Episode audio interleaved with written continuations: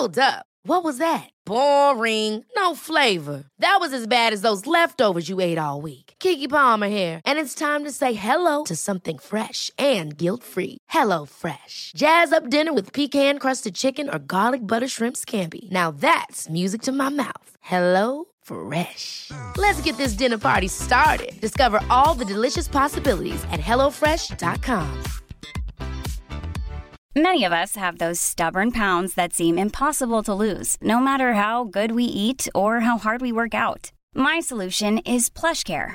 PlushCare is a leading telehealth provider with doctors who are there for you day and night to partner with you in your weight loss journey. They can prescribe FDA-approved weight loss medications like Wagovi and Zepbound for those who qualify. Plus, they accept most insurance plans. To get started, visit plushcare.com slash weight loss. That's plushcare.com slash weight loss. Hey, it's Ryan Reynolds, and I'm here with Keith, co star of my upcoming film, If, only in theaters, May 17th. Do you want to tell people the big news?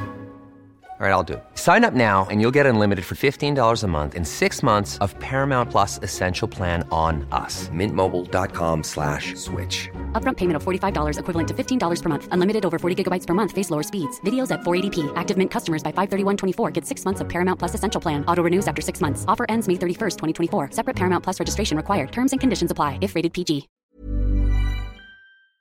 Veckans sponsor är Telia. Hos Telia samlar man mobil, bredband, IT-support, mobilväxel, allt som gör företagande enkelt. Och det är just det här att samla allt på ett ställe, att ha någon att vända sig till när det inte fungerar, det är Telia. Ett exempel på vad som inte är Telia, det är ju som när jag lyckas boka förmötet för en poddinspelning med Finansinspektionen till efter själva inspelningstillfället. Eller när jag här, här året var liksom, fick för mig att jag skulle börja springa, så jag är liksom ute och springer taggad, träffar en kompis som säger så du Jan, på måndag ska jag springa ett lopp. Och jag känner så här, ja men det låter inspirerande, så jag käkar pasta, jag byter om, tar mig ner till Malmö stadion för att göra en efteranmälan, står där i kön och sen så när jag liksom anmäler mig så tittar de på mig och säger så här, du Jan, vårhuset är bara till för kvinnor. Och eh, det var, det var typisk en situation som inte är Telia. Oavsett, ett stort tack till Telia som sponsrar, gör Rika Tillsammans möjligt, men framför allt tack till dig som lyssnar, följer och eh, hänger med oss varje vecka. Han urskiljer ju det fantastiskt mellan get wealthy och stay wealthy, att det är två helt olika saker man måste vara bra på. I get wealthy, då ska man ta risk, vara optimistisk, tro att man är bättre än andra. Medan i stay wealthy så handlar det om att vara paranoid, att vara ödmjuk och att tro att en del av ens framgång faktiskt kanske berodde på tur. Du lyssnar på Rika Tillsammans-podden som handlar om allt som är roligt med privatekonomi. I den här podden får du varje vecka ta del av konkreta tips, råd, verktyg och inspiration för att ta ditt sparande och din privatekonomi till nästa nivå på ett enkelt sätt. Vi som gör den här podden heter Jan och Caroline Bolmesson. Idag är det dags för avsnitt 192 och eh, idag så kommer det vara faktiskt en bokdiskussion att vi ska prata om boken Psychology of Money som eh, har utkommit ganska nyligen, faktiskt nu i februari 2021 kom den på svenska. Och den är skriven av en amerikan som heter Morgan Housel. Mm. Eh, Okej. Och eh, vad? Nej, men eh, spännande. Ja. Du har läst boken, jag har inte gjort det. Nej, precis. Nej. Och man behöver inte ha läst boken för att hänga med, utan vi kommer, det, det är en fantastisk bok för att den är, den är uppdelad i typ 20 kapitel. Och det som är roligt med Morgan då, Housel, är att eh, han, eh, han tycker att liksom så här beteendet är liksom ett stort underskattad liksom aspekt på liksom när man investerar, när man sparar, när man ska bli framgångsrik med pengar. Så det är liksom, och detta började med en artikel som han skrev på sin blogg, för han jobbar på en fond som heter Collab Collaborative Fund eh, och där har han en blogg som är alltid sjukt läsvärda artiklar. Har du följt honom? Jag har följt honom ett tag, Mm. faktiskt redan innan boken. Och eh, nej, men som sagt, jag tycker alltid de är läsvärda. Och då hade han ett inlägg för ett tag sedan som hette just Psychology of Money, som blev väldigt, väldigt bra och som nu är utökat då till en, till en bok. Och precis som vanligt, det är ju inte några sådana livsomvälvande insikter, men där är ganska många så här skulle jag säga, guldkorn som jag upplevde liksom satte ord på saker som jag hade tänkt, eh, eller som vi har tänkt, som är liksom mer, ja men han har liksom utforskat det mer, tänker jag. Mm. Vad, du, du bara garvar åt mig idag. Nej, men det är roligt att du tycker så att du inte får någon livsomvälvande insikter och så. Alltså, vi måste sluta tro att livsomvälvande innebär någon slags eh, Fyrverkeri. fyrverkerier och orgasmer och jag vet inte vad det är som det ska vara liksom för att vi ska bara wow. Nej, det är de små guldkornen Jan. Ja. Och när man har satt ord på saker som har tänkts men som aldrig har liksom, vad ska man säga, medvetandegjorts med ord. Ja, Det är det som är livsomvälvande. okej. Ja, men vad bra att du har koll på mig. Ja, men, Eh. vad var det för något nedlåtande? Nej, men det var Förlåt mig att jag var nedlåtande till dig, Nej, så men du får vara nedlåtande tillbaka. Ja, nej, det var ingen fara. Nej, men jag ska bara fråga, Ja. är det så att eh, han pratar om den här psykologin kring pengar Ja. eh, för de som är intresserade av pengar och som investerar och sparar? Eller handlar det även om, om man nu inte, vad, vad det är som gör att man inte sparar? Eller? Jag, jag, tror, jag tror nog att detta är nog en bok med... Jag tror nog vi är nog målgruppen mer än någon som är nybörjare.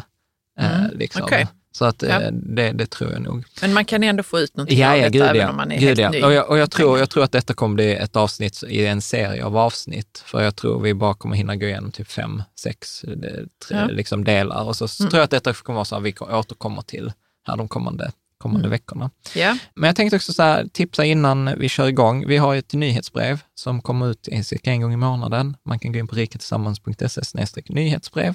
Det är kostnadsfritt och det är liksom så här de bästa artiklarna den senaste månaden.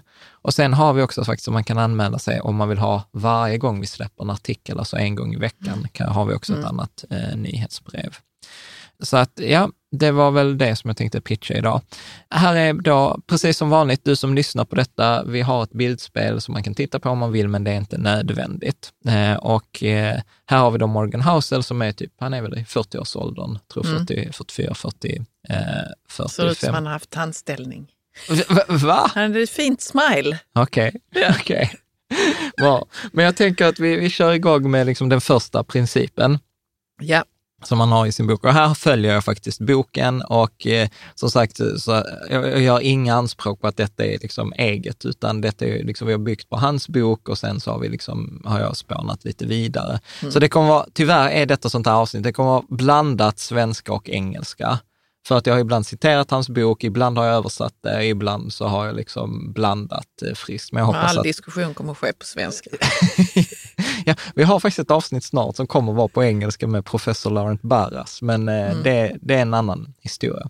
Eh, så den första delen i hans bok, den kallas, eh, ha- har han döpt då till No one is crazy.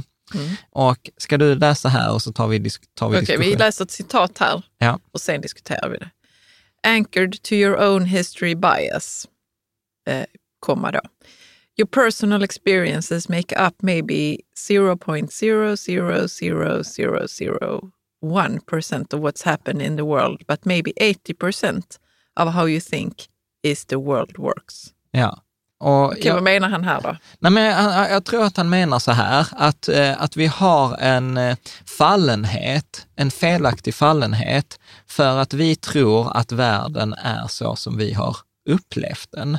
Men vad han säger här mer eller mindre är, världen är inte så som du tror, utan du tror att de erfarenheterna du har varit med om, det typ speglar världen till 80 procent. Ja. Men, egentligen speglar det till liksom 0,0000001 1 procent. Mm.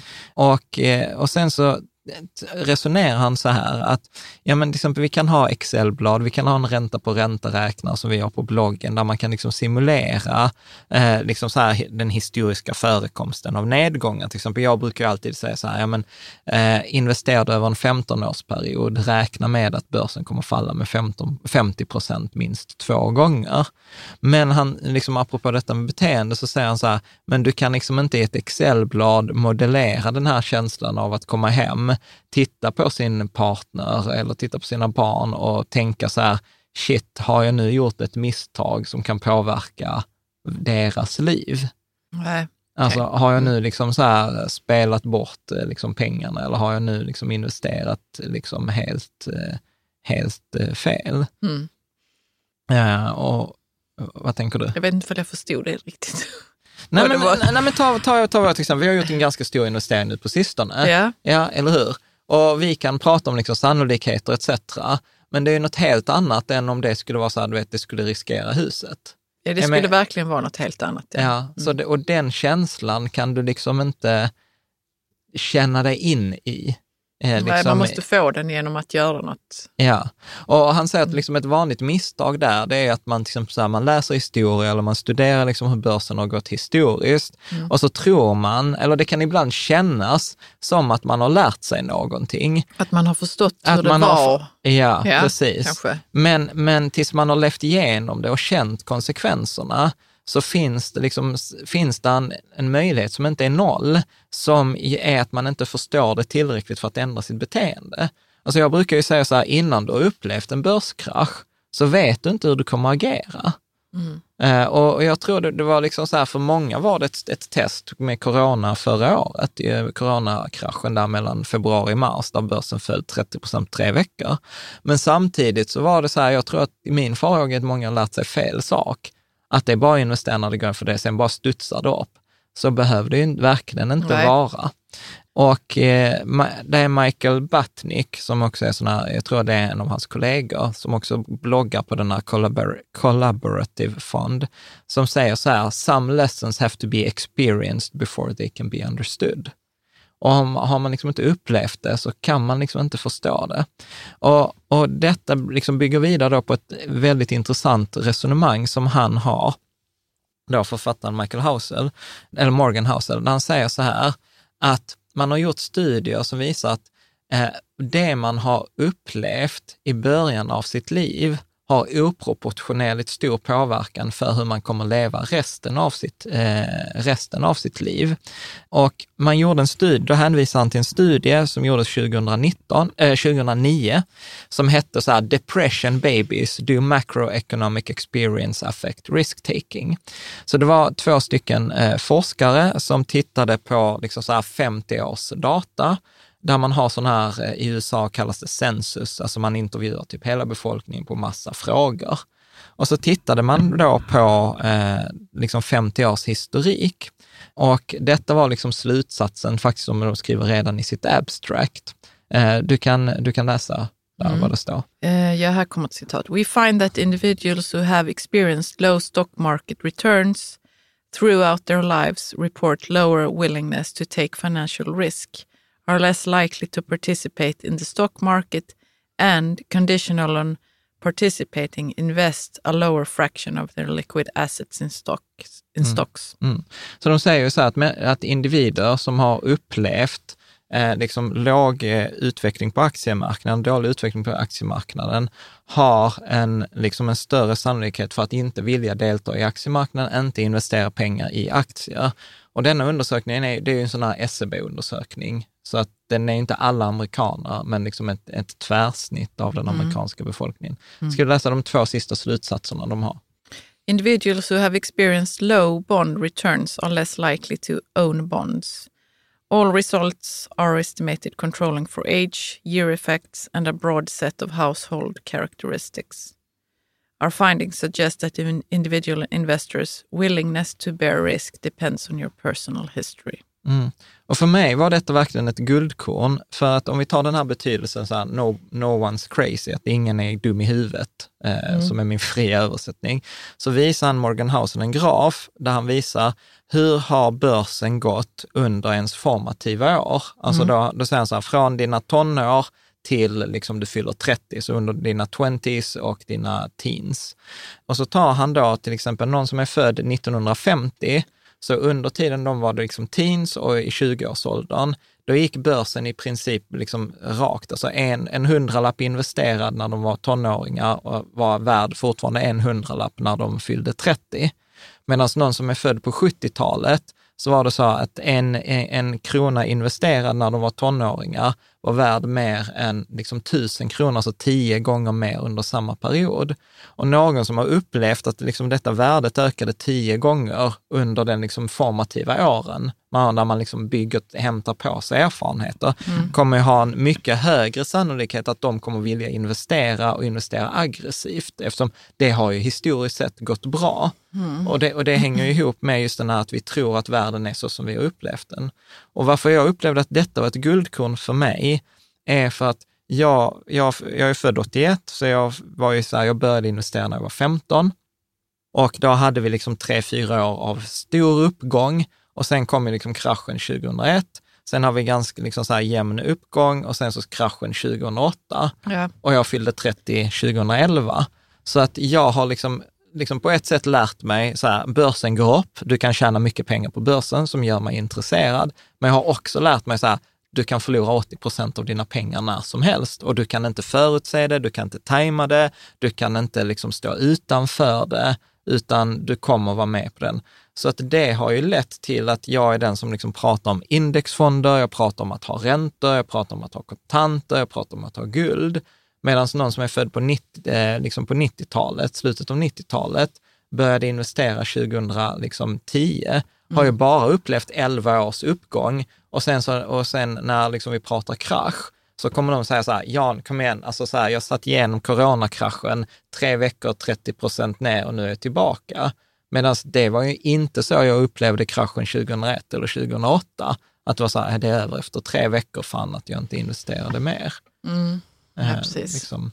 Men jag vet också, Karin, när vi pratade om det här innan, så sa du så här, men detta gör mig lite ledsen. Ja, men det gör det därför att alltså det finns ju också de som inte har haft eh, formativa år inom ekonomi. Ja. Hur går det med dem? Liksom? Och sen att, eh, att eh, då är vi ju liksom lite som maskiner.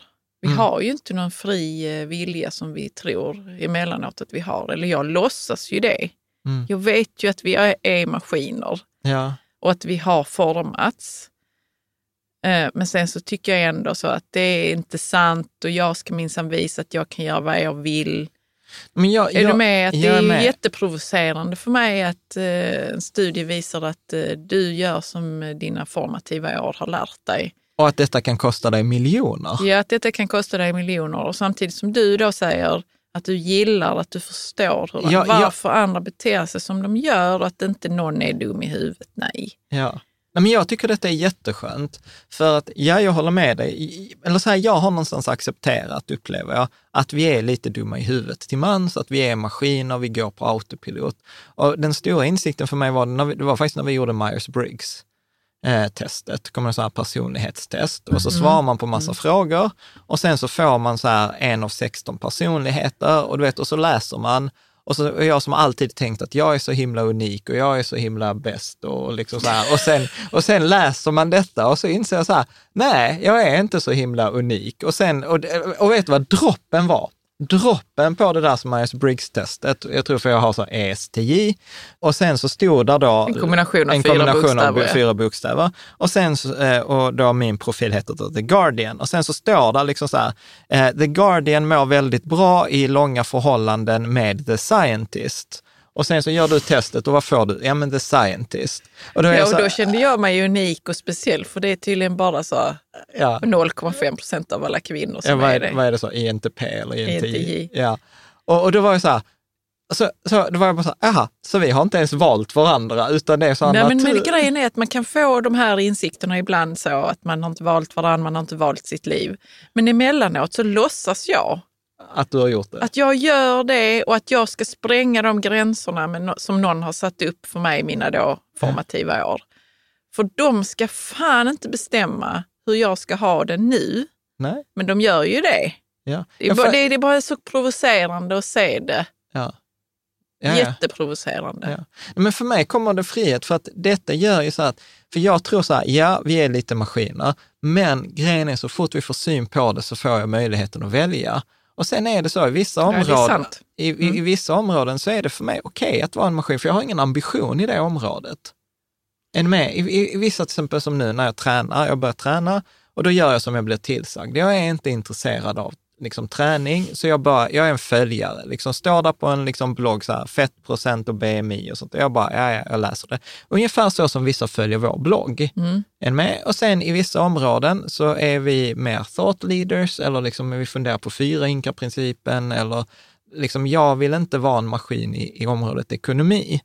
Liksom. Och sen upptäcker jag här, liksom så här, när jag ändå gjort detta i 25 år, fan, jag är fortfarande en maskin. Och så blir jag så här, fan vad gött! Att jag liksom upptäcker att jag bråkar med folk på forumet och det enda vi bråkar om som ingen av oss fattar, för vi är två dumma maskiner som Det är bråkar. när ni sitter i Det- sandlådan Ja, ja, det, det är att den människan är född på 70-talet och har en helt annan formativ upplevelse och därför argumenterar med mig att jag är dum i huvudet som, har 100, som inte har 100 procent aktier och jag tycker han är dum i huvudet som har liksom, hur kan du ha så mycket aktier? För att vi har helt olika syn på världen. Ja, det är lite förenklat, men okej, om vi går det hållet nu här, Ja. som studien visar, så ja. Ja, och så blir det så mycket, alltså det är inte hela sanningen, det fattar ju jag också. Men det blir ju för mig blir det så här, gött, det var en, en pusselbit till. Det förklarar varför jag, varför jag inte är som många andra poddar. För jag, jag har haft en annan upplevelse. Jag, liksom, när jag började investera så var jag med om två stora nedgångar. Ja, det präglar mig och liksom så här, nu kan jag välja, vill jag fortsätta att det ska prägla mig eller kanske borde jag ta högre risk? Eller borde jag, liksom, eller kanske andras också kan ställa sig frågan, borde de ta kanske lite lägre risk? Mm. Men, men det viktiga här är liksom så att det är inte verkligheten. Att mina upplevelser, jag, jag tror intuitivt, det här biaset, det är ju det som säger att jag tror att världen ser ut så som jag ser den, men det gör den inte. Nej. Och det som jag tycker är spännande är att han liksom fortsätter ta detta till andra områden. Just detta, ingen är dum i huvudet. Och, och så sa han liksom så här, ja men i USA så är det så att 40 procent av befolkningen saknar en buffert om 400 dollar. I Sverige motsvarande på siffra 27 procent av Sveriges befolkning klarar inte en oförutsedd utgift på 5 000 kronor. Och, och så säger han så här, och ändå lägger den genomsnittliga amerikanen 412 dollar om året på Lotto. Ja, Vilket- på lotter. På lotter, ja. Mm. Vilket, vilket är ju liksom så här, detta är ju liksom stendumt. Eller hur? Alltså så här, Ja, det, det är det ju. de är lite, och, och, och här kan det ju också vara liksom så att man tittar på Lyxfällan och så tänker man så här, vad är det för muppar som är med i Lyxfällan? Var, vi jobbade ju ändå med det när jag jobbade på balansekonomi. Eh, och jag sa liksom så här, nej men de är, där är en logik, men det är bara det att jag kan inte se den logiken från där jag står. Logik och logik. Det, du säger att det Rationalen. är också, en rational, men också att känslorna styr ju. Ja. ja. Så till exempel i deras, så då skriver han ett ganska fint stycke i boken, skriver han om det här, liksom där han tar, tar perspektivet från någon som inte har de här 400 dollar. Som, så här, då, då är det typ som ett brev från den personen Mm. eh, som inte har möjlighet. Och då säger han så här, ja men jag har inte ett liv där jag kommer kunna få en högre utbildning eller att få mer jobb. Eh, det är omöjligt för mig att ha liksom hälsoförsäkring eller ha en fin bil eller dem. Det som liksom du redan har idag. Så därför blir det för mig, det enda sättet för mig att få den här möjligheten att hålla den här drömmen vid liv, det är ju att köpa de lotterna. Och jag förstår att det är svårt att se för dig som redan lever den här drömmen, som har bilen, som har utbildning, som har en karriär, som läser de här böckerna om sparande. Men det är utanför min värld. Så det enda sättet för mig är att, att vinna på Lotto. Och därför blir det att jag köper de här lotterna för att det är liksom det viktiga för mig att hålla den här drömmen vid liv. Ja. Är med? Och då kan man ju se rationellt, det förändrar inte att det är dumt att köpa lotter, men man kan förstå att ja, men människan är inte dum i huvudet. Ja, ja, visst. Liksom. Mm. Och då skriver han, Morgan House, och jag tycker detta är så, så fint, då skriver han också så här, what you, eh, att man kan, liksom, han säger så här, idén att tänka så här, då säger han, what you are doing seems crazy, but I kind of understand why you are doing it. Och så säger han att om man kan tänka så här så kommer detta uncover the root of many financial decisions. Mm. Att ha liksom den Att man här... förstår var- varför folk tar, eh, eller varför man själv och andra människor tar ta de här vissa ekonomiska beslut. Ja. Ja. Mm. Och sen så skriver han så här också då. Few people make financial decisions purely with a spreadsheet. They make them at the dinner table or in the company meeting. Places where personal history, your unique view of the world, ego, pride, marketing and odd incentives are scrambled together into a narrative that works for you. Det är fint skrivet. ja, men du? det är snyggt så. Scrambled into a narrative that works for you. Ja, Mm. vad tänker du? Jag vet inte. Jag, alltså det, jag vet inte vad jag tänker.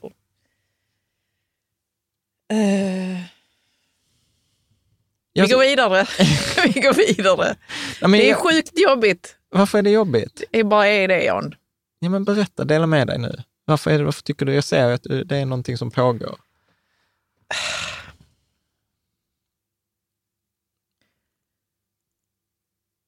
Nej, men man vet att världen är större. Man Mm. vet ju det, Mm. än det som pågår inne i hjärnan. Mm. Jag tycker det är jobbigt att veta det och inte nå det. Mm. Säg någonting mer om det. Vad tänker du då? Nej, men att inte nå liksom, kanske vissa mål i mitt liv för att jag håller på på ett Mm. visst sätt. Mm.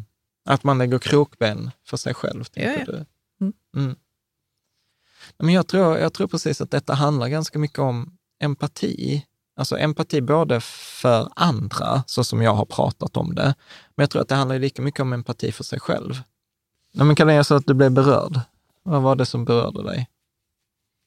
Nej, men det som vi sa innan, att det, man vet att världen är större och sen så, så når man inte dit eller man når inte sina mål och man vet fan inte vad det är som pågår. Men här sätter ni ändå ord på att, att eh, man har massa saker som liksom skakas ihop i en liten burk och sen så är det du.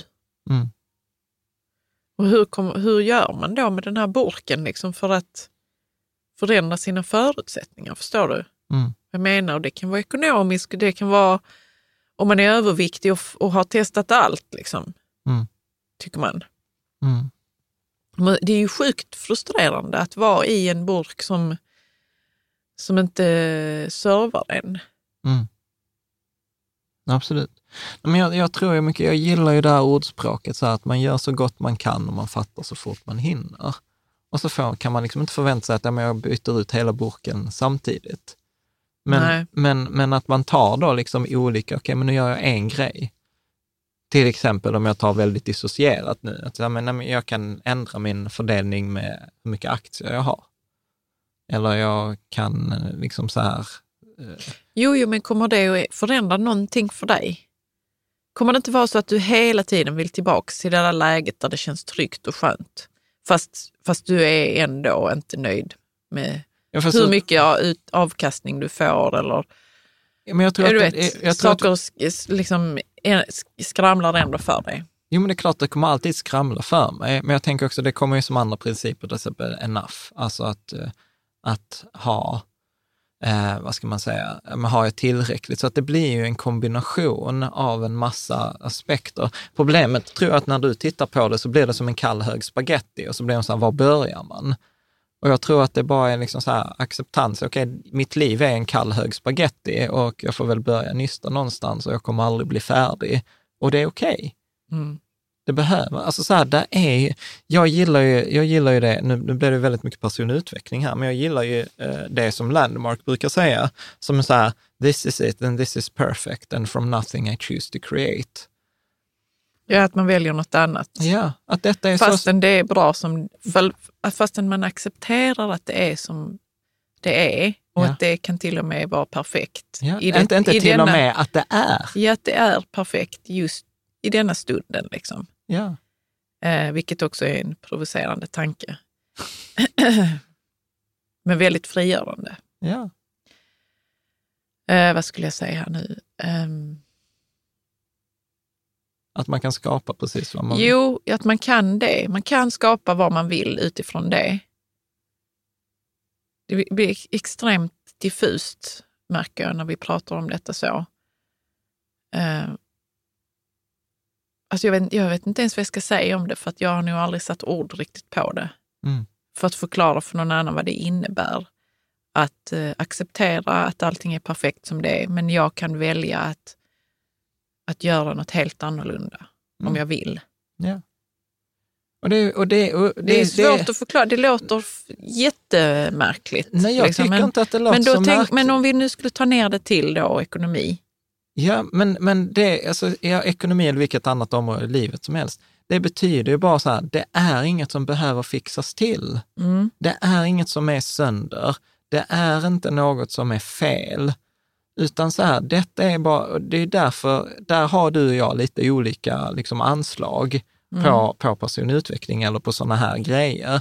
För för mig blir det så här, wow, du vet, jag kan gå, gå vidare, liksom att detta är en, en bra grej. För, jag, eh, medans jag, för dig så kommer det ofta ganska mycket sorg för liksom hur det har varit. Att eh, liksom så här, gud, har jag, detta har jag gjort i så många år, eller att det är något som är sönder, eller att det är något som ska fixas till.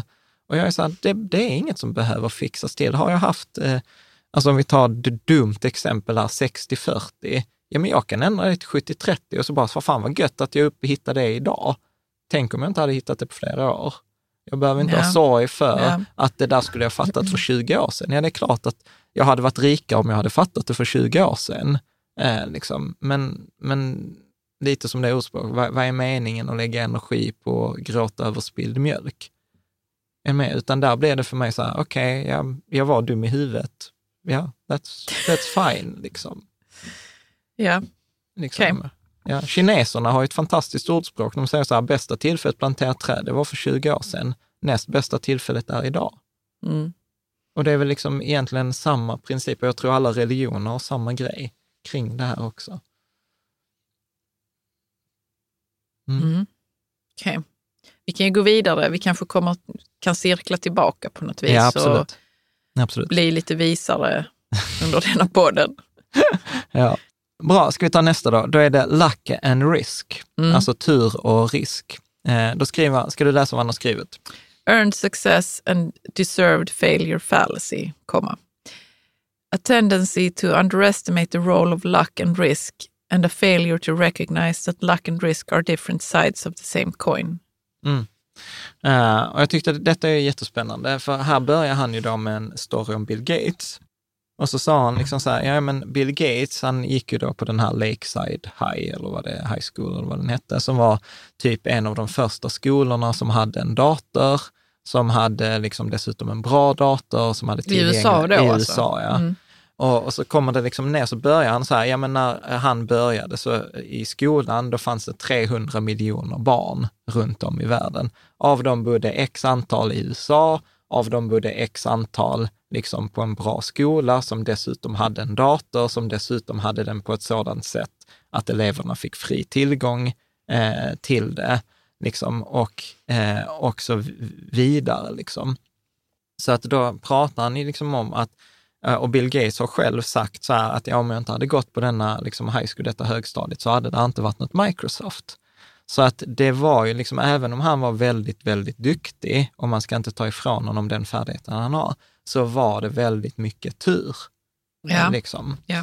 Och då också, eh, så han Morgan Housel tar detta vidare, så har han en favoritfråga som han brukar fråga folk, som är så här, vad skulle du vilja veta om investerande som vi inte kan veta? Mm. Eh, och då ställde han detta till en Nobelpristagare som heter Robert Schiller.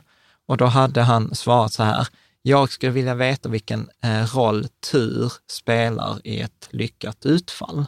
För det är en sån fråga vi kommer aldrig liksom veta, eftersom vi ofta liksom ignorerar den här tur-slump. Vi hade ju hela det här avsnittet Paradox of Skill, där vi försökte just urskilja tur från eh, skicklighet. Och man kan ju ta detta, liksom, om jag skulle föra ett resonemang här säga så här, men säg att vi har en miljard investerare, liksom en total population, så skulle man väl kunna säga att liksom hundra av dem kommer att bli miljardärer bara på ren tur. Det tror jag de flesta håller med om. Alltså, du vet så här, ja men du satsar, jag har till och med visat det på bloggen, du satsar bara på ett papper som är så här, kommer börsen gå upp eller ner nästa år? Det är så här, då kommer du liksom här, efter, efter första gången så kommer du ha en halv miljard, sen kommer du ha 250 miljoner, 125 miljoner, 65 miljoner. Och, så vet, och till slut så kommer du till 100 pers som är liksom miljardärer.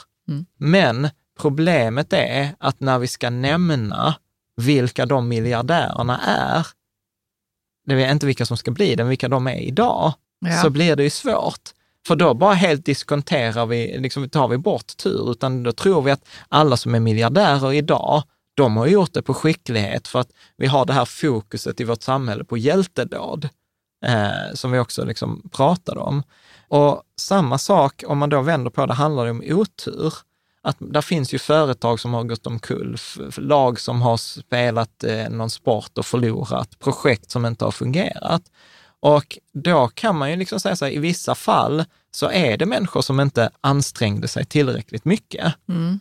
Men det kan ju också vara människor som bara, du vet, de hade otur. De var på fel ställe på, vid fel plats. Eh, eller förlåt, fel ställe vid fel Tidpunkt. Fel tid. Mm. Och det är ju jättesvårt att dra den linjen. Var, var, var, var hade de otur att vara på fel ställe vid fel tid? Och var var det att de inte ansträngde sig tillräckligt?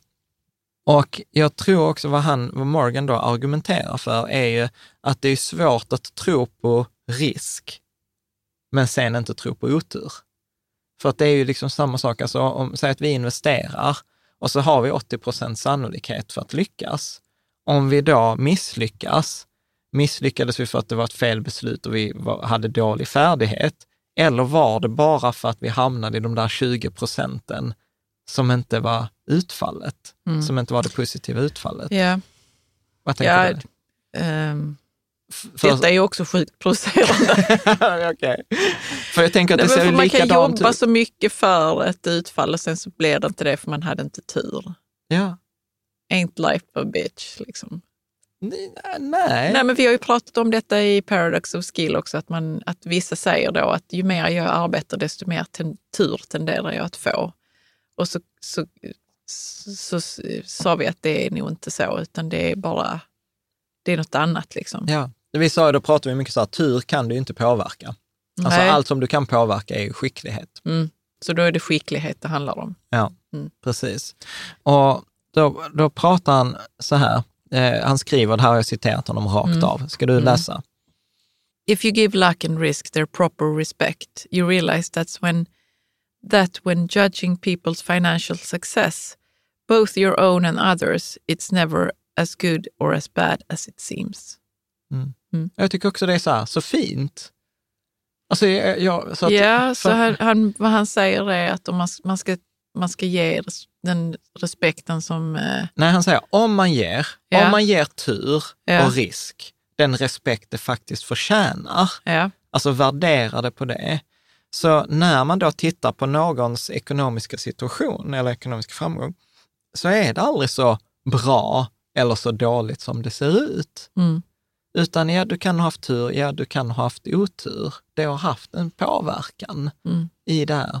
Så återigen, för mig blir det också ganska mycket liksom, empati i, i, i det där. Och, och många, om vi tittar till exempel så här, en, en som är så här väldigt känd profil, det är Benjamin Graham. Vi har inte pratat så mycket om honom eh, i, i podden, men han var typ eh, inspirerad av Warren Buffett, som är då en av världens, räknas som rikast, eh, den bästa investerare. Och han har ju skrivit en bibel som heter The Intelligent Investor. Men det roliga är att när man själv läser om Benjamin Graham, inte då de här böckerna han har skrivit, så konstaterar man att en stor del av hans finansiella framgång kom från en eh, aktie, han hade en stor position i Geico, en aktie som heter Geico.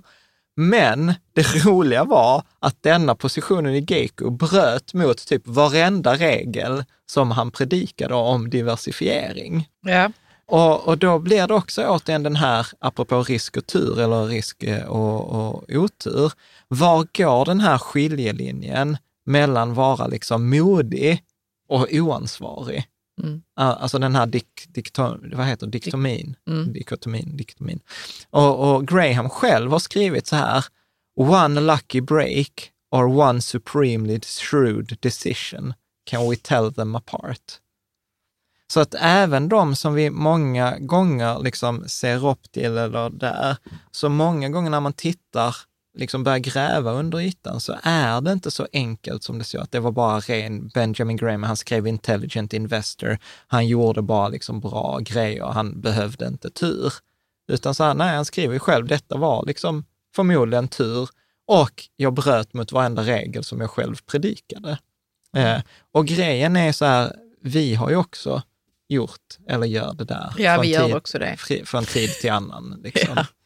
Eh, Så, att, så att poängen som han, Morgan Housel eh, är, är inne på är så här, var försiktig med vem du, vem du följer, var försiktig med vem du hyllar, vem du ser upp till.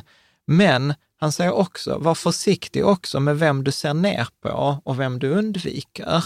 Att Eh, bli. Ja, vem du undviker att bli. Att om jag Mm. ser ner på till exempel de i Lyxfällan, som Mm. liksom, det är väldigt enkelt att göra.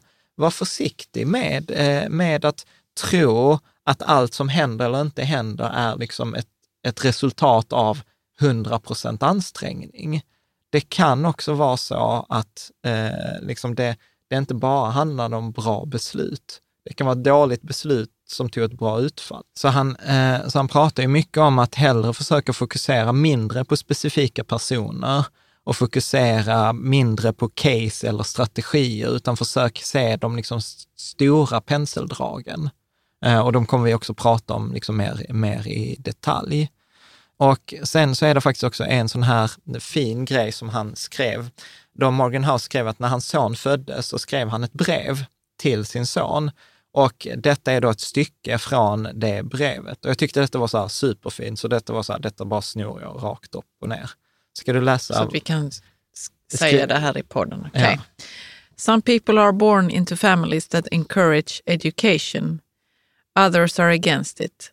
Some are born into flourishing economies encouraging of entrepreneurship. Others are born into war and destitution. I want you to be uh, successful and I want you to earn it. But realize that not all success is due to hard work and not all poverty is due to laziness. Keep this in mind when judging people, including yourself. Mm. Mm. Ja, men just också det här att, att, ha, att ha en förståelse, att ha en empati eh, Ja. liksom av andra faktorers inverkan än bara din, Mm. din egen. Eh, och jag, du vet, jag bara var fick en sån här dum grej som dök upp i mitt huvud. Jag pratade med en kompis som sa också så här att ja, ja, om, om framgång bara berodde på hårt jobb så hade alla afrikanska kvinnor varit liksom miljonärer. Typ. Jag vet inte om detta var kanske Jag har tänkt på opassande. detta. Nej, jag har tänkt på detta, John. Mm. Jag har tänkt på det. På eh, alla människor som jobbar jättehårt. Mm. Ja, alla kvinnor också. Det är många kvinnor som jobbar hårt. Men problemet är att man måste ju inse, nu är detta kanske helt opassande från mitt håll, Mm. eh, och, och ha möjlighet att se var man ska lägga arbetsbördan någonstans. Ja, och, och jag kan tänka mig att om man är då en afrikansk kvinna, då, är, då lägger man den på, eh, på, på bra grejer. Mm. Men man kanske inte lägger det på det som gör att man får eh, ett bättre eller mer pengar i sitt liv. Men problemet är, tycker jag, detta var min stora insikt när vi började resa i Afrika, att det kan ju vara lätt för mig, till exempel här i Sverige, så skulle jag säga att alla har möjligheten. Alltså så här, ja men om vi skulle ta hårt jobb i Sverige, så här, ja men då kan vi prata om hävstång. Har du hävstång i ditt jobb? Nej, du har ingen hävstång i ditt jobb. Byt jobb eller skaffa dig hävstång. Ja, att vi har möjligheten, Att vi har möjligheten. Mm. Min insikt när jag var där nere var så här, det rådet hade varit helt skitsamma, för att de kommer aldrig få hävstång. De kan inte ens skaffa sig möjligheten till Nej, jag hävstång. förstår det John. Jag förstår det. Så, så att, så att jag, det du säger, jag håller inte riktigt med för att ingen mängd utbildning, ingen mängd grejer. Alltså vet, har du inte ett startkapital till exempel, ja då spelar det ingen roll, du kommer inte komma någonstans. Medan i Sverige Mm. så kan ju alltid eh, liksom, det finns massor av pengar, det finns Almi, det finns startkapital, jag kan låna pengar på banken. Alltså du vet, det finns släktingar, det finns hus, alltså det finns möjligheter. Så att det är ju det jag tar med mig härifrån också, så här, nej, alla har inte möjligheten. Mm. Och det känns, Nej, det nej, jag tycker skulle jag är tufft. bo där. Jag skulle behöva bo där för att förstå det. Mm. Och det var, det var Därför att jag, kan, jag tycker så här, men det finns alltid en möjlighet. Åh, det finns alltid en. Men jag, jag har inte bott där, Jan, nej. I eh, en sån eh, setting, liksom. Mm. Där jag har förstått att det, finns inte mer ved. Eh, Och det finns inte det på tio mil. Nej. Eller det finns inte vatten. Mm. Whatever, liksom. Mm. Så jag har aldrig varit i den situationen, så jag kan inte liksom, då, då finns det liksom inte i mitt huvud att, att eh, möjligheterna är slut. Liksom. Mm. Nej, det där är. Då måste jag, liksom, eller jag blir så, nej men du måste ju kunna, du måste ju kunna göra så med dina släktingar eller du måste Ja. kunna flytta på dig eller, ja fast Ja. Nej, som precis. sagt, som han säger här i boken, har du inte varit med om det så fattar du inte det. Nej. Nej, nej, precis. Vissa saker måste man uppleva för att fatta. Liksom. Ja. Ja. Eh, så att, eh, ja, nej men det där är, alla har inte möjlighet. Det var, det var verkligen min stora insikt när vi var där i Rwanda och Tanzania och Uganda, liksom att nej, Mm. det är lätt för mig att sitta på någon jävla piedestal och säga så här, alla kan och tänk positivt. På en hög så, häst kanske. Ja, så, ja Mm. okej. Ja. Ordspråk, whatever. Eh, mm. Men i alla fall, så liksom han avrundar då liksom kapitlet med att citera Bill Gates, där han säger så här, Bill Gates lär ha sagt, Success can be a lousy teacher. It seduces smart men into thinking that they cannot lose. Mm. Men så säger han också så här, Failure can also be a lousy teacher because it seduces smart people thinking that their decision were terrible when sometimes just reflecting the unforgiving realities of risk. Och detta gillar jag jättemycket. Mm. Det- Som att du skulle inte gett upp. Ja, Typ. el- ja, till exempel. Men detta för mig är ju det här avsnittet som vi gjorde i början av året, när alla liksom så här, ja men du skulle ju köpt ny teknikfond och då hade det gått plus 20 procent, medan du var ju dum i huvudet som hade en eh, indexfond under 2020 som knappt gav 2 procent. Nej, att ha en indexfond under 2020, det var en sån här, eh, sometimes just reflecting the unforgiving realities of risk. Svenska kronan eh, stärktes, eh, vilket gjorde att 15 procents avkastning suddades bort. Mm. Ja. Ja, det var så här. Det var Men det var inget dåligt beslut Det, var att i, det ha är inget en... dåligt beslut att ha indexfond. indexfond eller en fondrobot. Nej. Nej, men det, jag börjar fatta det mer och mer varför beslutsprocessen är viktigare än själva utfallet. Ja. faktiskt. Och eh, ja, för mig var ju detta så att man får, man får aldrig ge upp. Liksom. Ja. Om, man nu, om man nu har gjort en beslutsprocess som man tycker är solid. Ja. Och så fick man bara inte det utfallet man trodde att man skulle få just nu. Precis. Och då är det så här, tillbaka upp på hästen, det var inte ett dåligt beslut. Nej. Så att det, detta, jag, jag jag gillar detta så mycket, att det är så em, empatiskt. Mm. Liksom, Mm. Jag kring- gillar också det. Och, och att vi liksom, Behöver mer empati. Ja, och, och, och empatiskt och acceptans. Och det är så sjukt viktigt när det gäller investeringar. Alltså nu pratar vi liksom så här empati, acceptans, bara så här, vad har det med pengar att göra? Nej, men i detta fallet har det ju så sjukt mycket eh, att göra och han sammanfattar det här.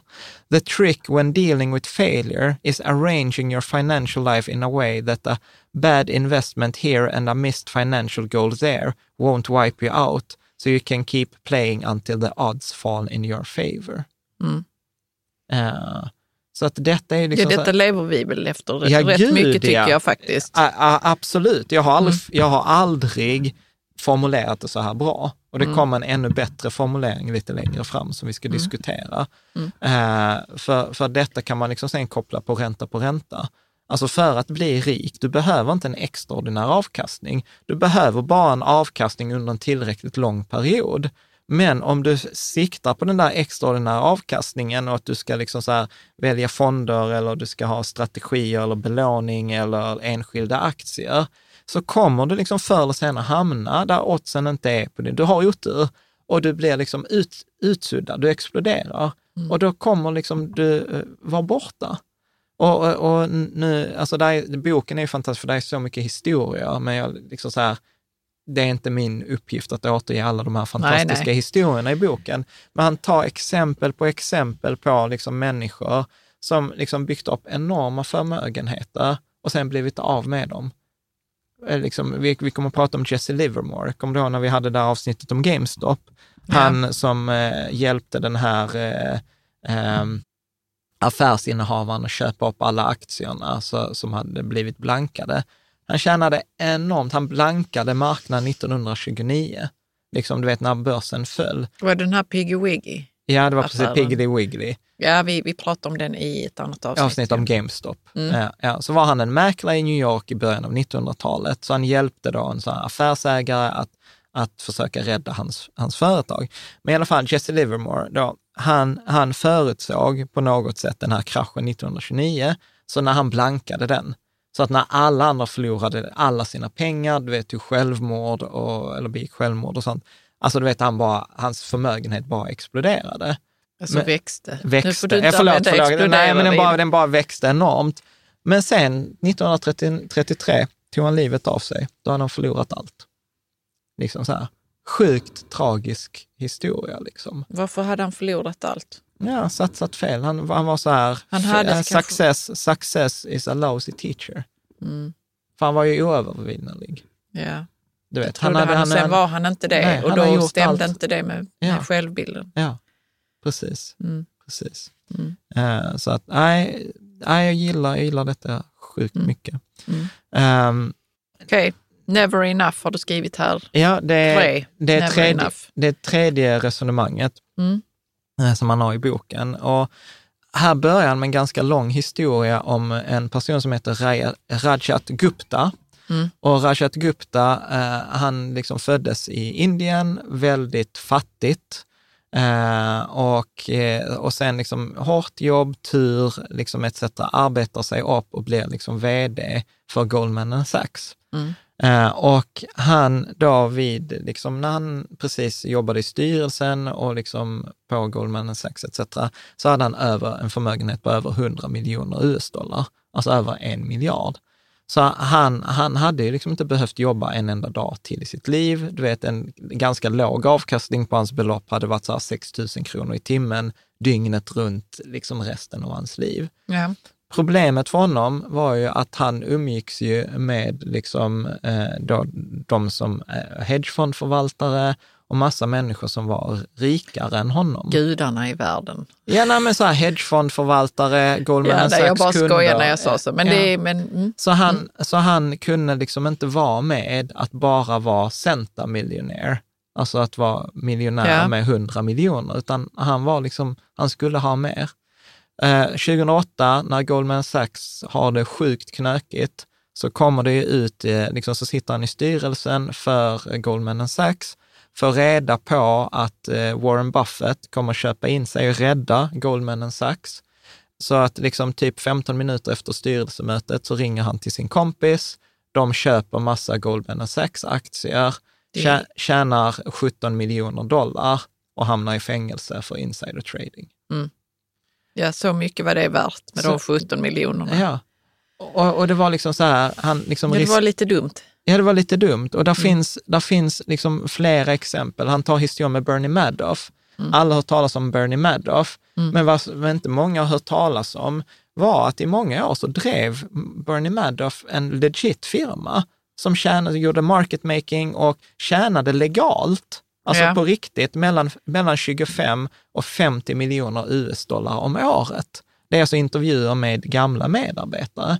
Men du vet, det räckte inte, utan det skulle vara mer och mer och mer och, och sen blev det ju hela den där Ponzi-affären, bed, bedrägeriet. Mm. Och ett annat sånt exempel som han tar upp, det var så här klassiskt, vi måste göra ett avsnitt om det vid tillfälle, men det fanns ju på 90-talet något som hette LTCM, Long Term Capital Management. Och det var massa Nobelpristagare, massa sådana hedgefondförvaltare. Du vet, de, hade, de har vunnit Nobelpriset. De hade liksom hedgefonder, du vet, de hade hur mycket pengar som helst. Men då ska de liksom så här starta en fond med bara liksom de smartaste människorna. Problemet, vad som hände med LCTM, det var ju så här att de hade en fantastisk strategi. Problemet var att denna strategin var så fantastisk så att alla andra började kopiera den. Och när alla andra började kopiera den så slutade den ju fungera. Så plötsligt, tror jag det var 97 eller 98, då exploderade den. Och det, det var liksom så här, det gick åt helvete. De förlorade typ alla sina pengar, höll på att krascha hela finanssystemet. Eh, det gav upphov till den här 90-98-krisen i Ryssland. En enda fond med de här liksom, människorna. Och det mest intressanta här, det är en kommentar som då Warren Buffett gör om LTCM. Och, och jag tycker den är så spot on. Ska du läsa den? Mm. To make money they didn't have and didn't need, they risked what they did have and did need. And that's foolish. It's just plain foolish. If you risk something that is important to you some, uh, for something that is unimportant to you, it just does not make any sense. There is no reason to risk what you have and need, what you don't have For what you... for what you don't have and don't need. Mm. Mm. Och, och, och, och detta är liksom så här återkommande. Han berättar också en historia om så här Joseph Heller, han som skrev den här Moment 22, Mm. eh, som han liksom hade träffat på någon fest eller något sånt med, eh, med så massa rika människor.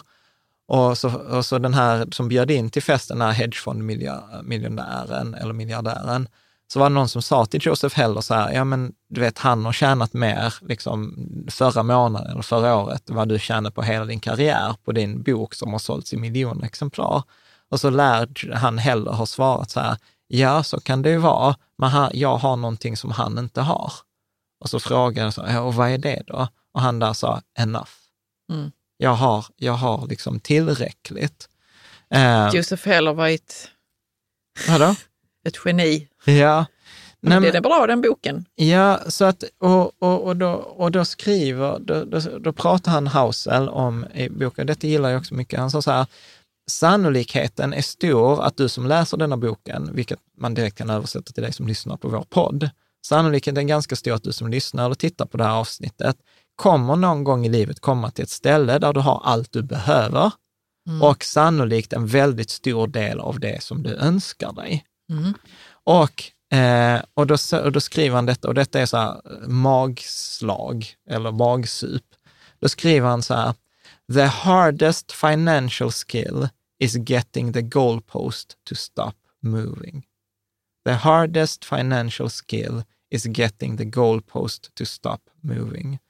Och, så, och jag kan läsa vad han skriver sen.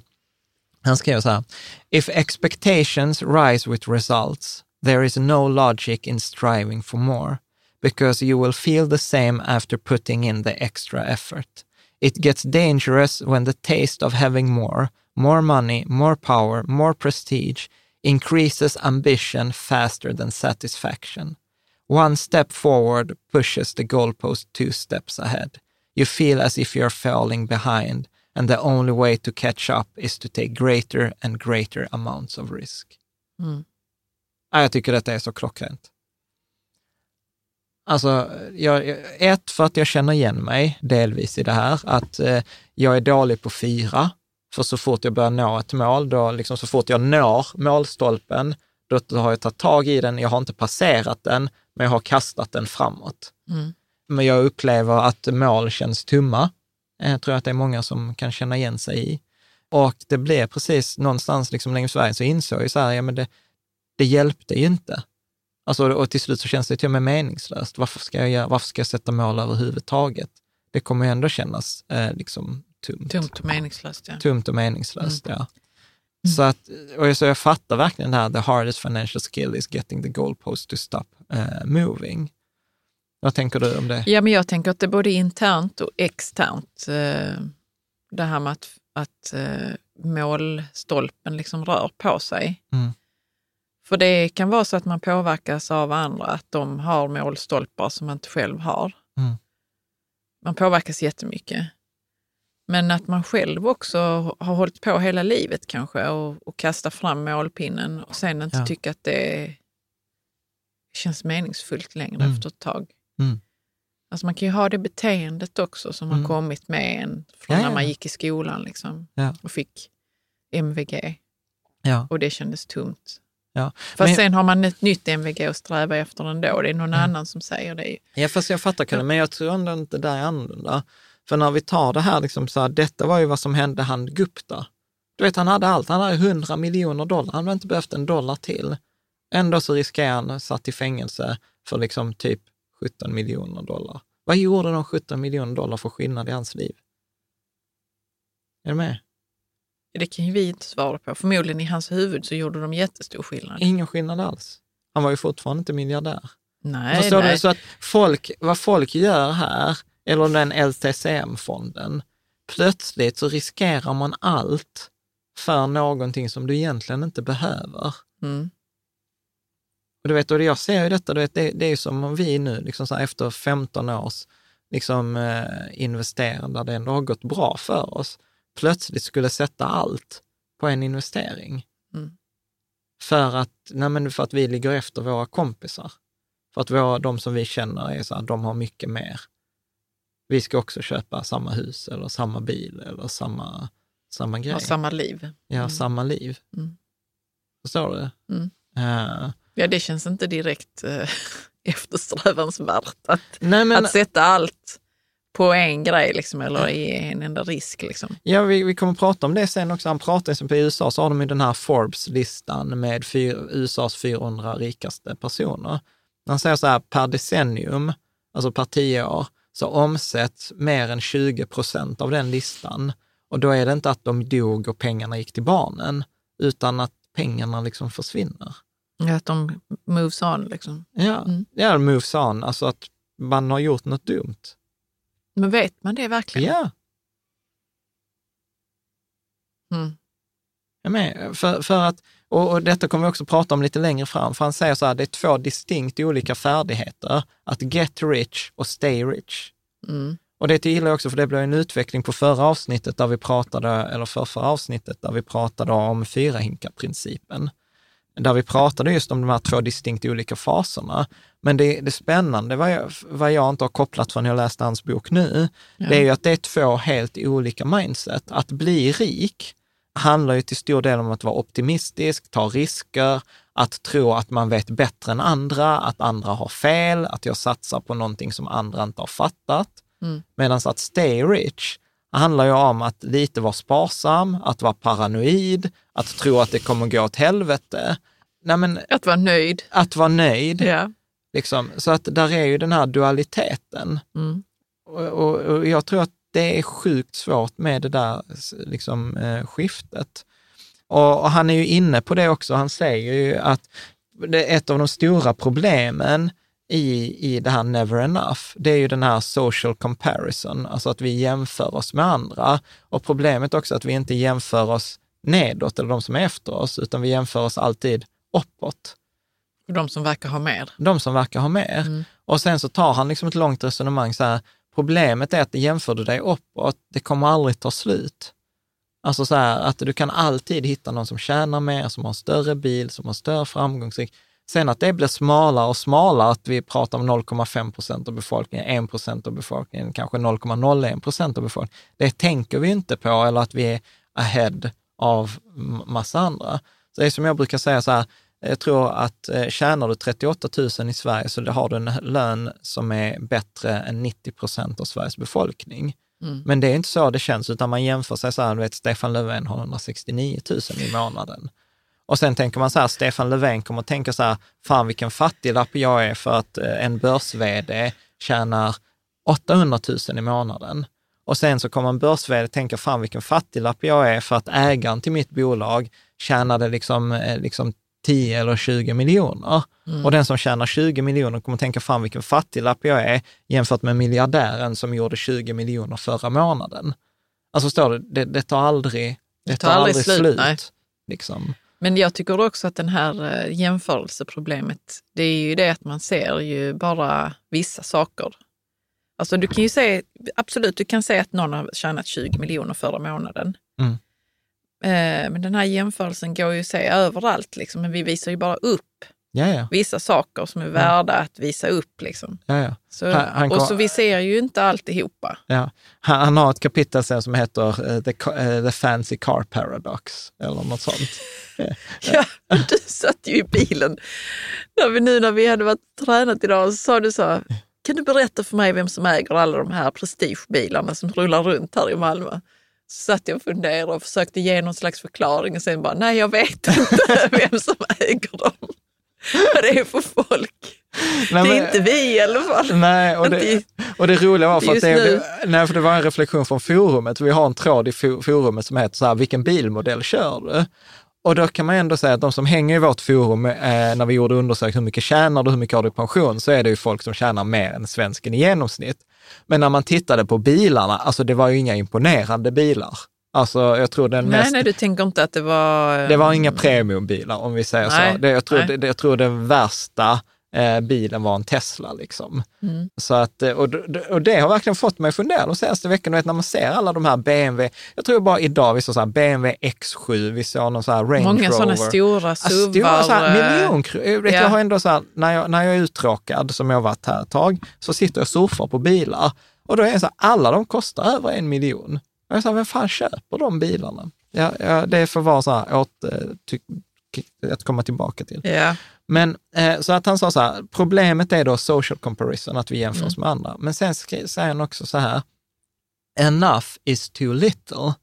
Eh, att vi har, han skrev så här, the idea of having enough might look like conservatism, leaving opportunity and potential on the table.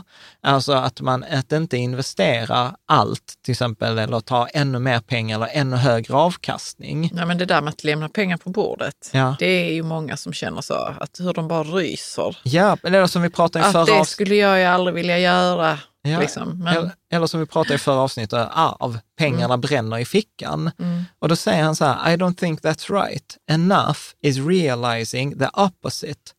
An insatiable appetite for more will, you push, will push you to the point of regret. Att det är inte att lämna pengar på bordet, eller, utan snarare är det att inse att tillräckligt, att, liksom att ha en omättlig aptit efter mycket annat kommer bara skapa ånger. Liksom.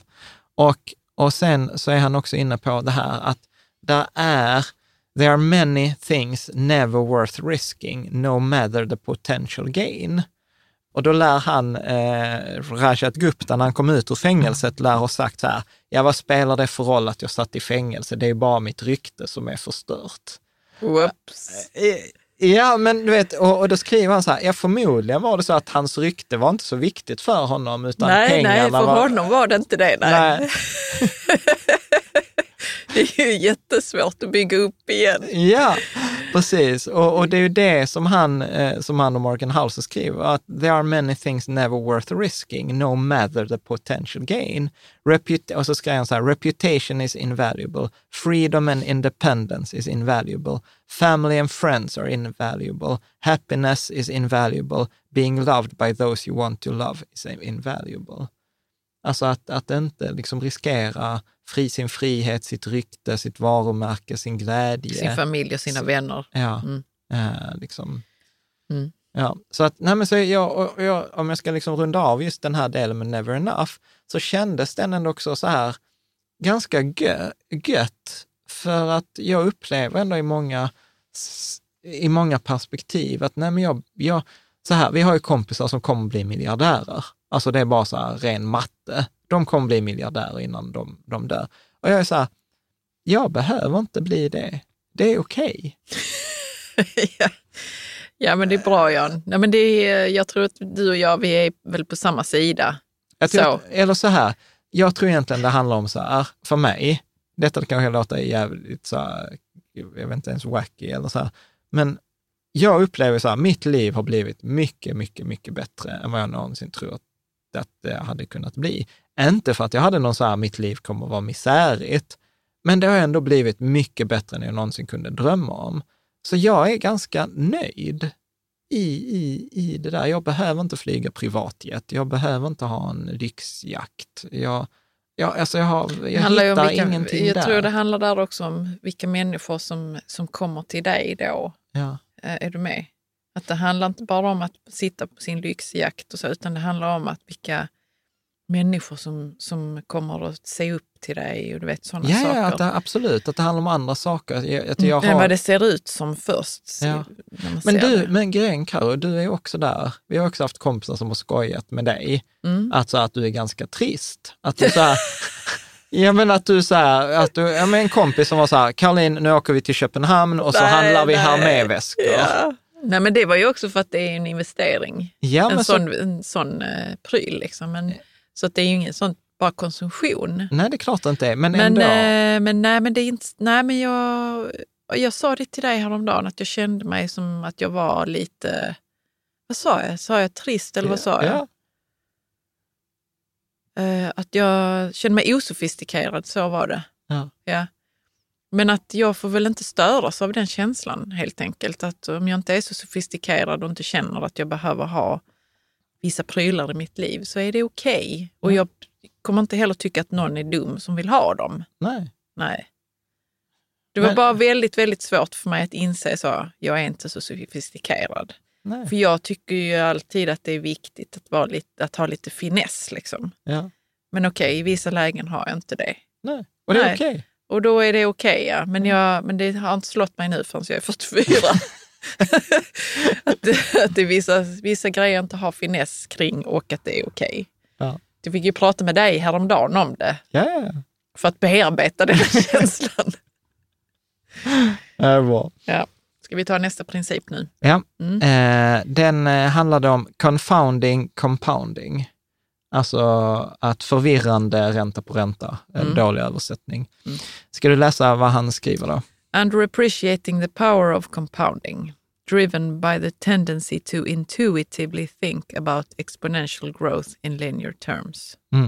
Detta är också ett ämne vi har varit inne på många Ja, men du har gånger. nu sagt det tidigare att vi har svårt att förstå det här med exponentiell tillväxt. Ja, och man kan ju ta det ett enkelt matteexempel. Caroline, om jag säger så här, vad är 8 plus 8, 8 gånger?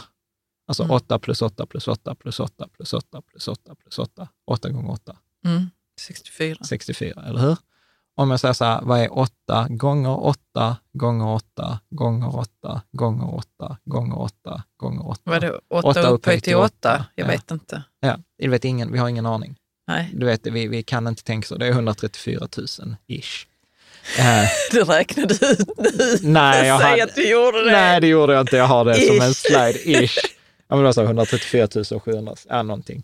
Men, eh, men han börjar med en ganska spännande historia. Då berättar han så här, på 1800-talet så konstaterade man att jorden hade varit täckt av is i flera liksom, tillfällen. Att man konstaterade du vet, stenar som var utspridda i landskap eh, etc. Men man kunde liksom inte enas om hur det hade gått till när jorden hade täckts av is, utan man konstaterade att det har krävts enorma mängder energi Mm. för att liksom kyla ner jorden och sen tina upp isen. Alltså det är jättemycket eh, liksom energi som går åt det där. Sen eh, så en parentes, när det var så här, när jag läste det så var det så här, jag vet inte hur istiderna gick till. Jag satt också och tänkte nu så, nu pratar man ju om att Golfströmmen saktar av och då att det då kommer bli kallare här och att det bara skiljer sex grader mellan vår tid och istiden. Och Man bara, jag vet inte heller. jag vet inte heller Nej. hur det kommer sig sen att, att Ja. isen tinade. Ja. Ja, men, Men det är nog för att vi är för långt ifrån grundskolan just ja, nu. Ja, men precis. Men då var det så här, i alla fall, då var det en meteorolog som hette Milutin Milankovic, Mm. som konstaterade så här att gravitationen mellan jorden och eh, i solen skapar en liten slagsida på planeten, vilket gör att ibland så får jorden lite mer eller lite mindre solstrålning. Okej? Ja. Eh, och då var man ganska säker så här, okej, jorden lutar liksom bort och då blir vintrarna kalla och så blir det liksom istid. Att vintrarna blir lite längre och så blir det istid. Vad, du ser Ja, skeptisk men det, ut. så är det väl inte? Varför skulle det inte vara så? här? Nej men så, är, så kommer inte jag alls ihåg att det är. Även om jag inte vet så är det inte så det går till. Okej, Läs så, vidare. så hur går det till då? Jag vet inte. Jo, men det går till så. Nej, men det är något med cykler på jorden. Nej. Såklart. Nej men det är inte så det, Det är till. Så. men, Jo, men, men, var någonstans liksom i den här när vi cirklar runt solen? men det är lutningen. Det är lutningen på jorden mot solen. Men det är intressant det här. Men det är ju flera tusen år mellan de här istiderna ju, Ja. som vi har haft. Ja, men det tar ju lång tid de här perioderna. Men, men det intressanta, det som jag tyckte var intressant var att man tror det här att vintrarna är, blir liksom kallare. Problemet var att det, det var helt fel.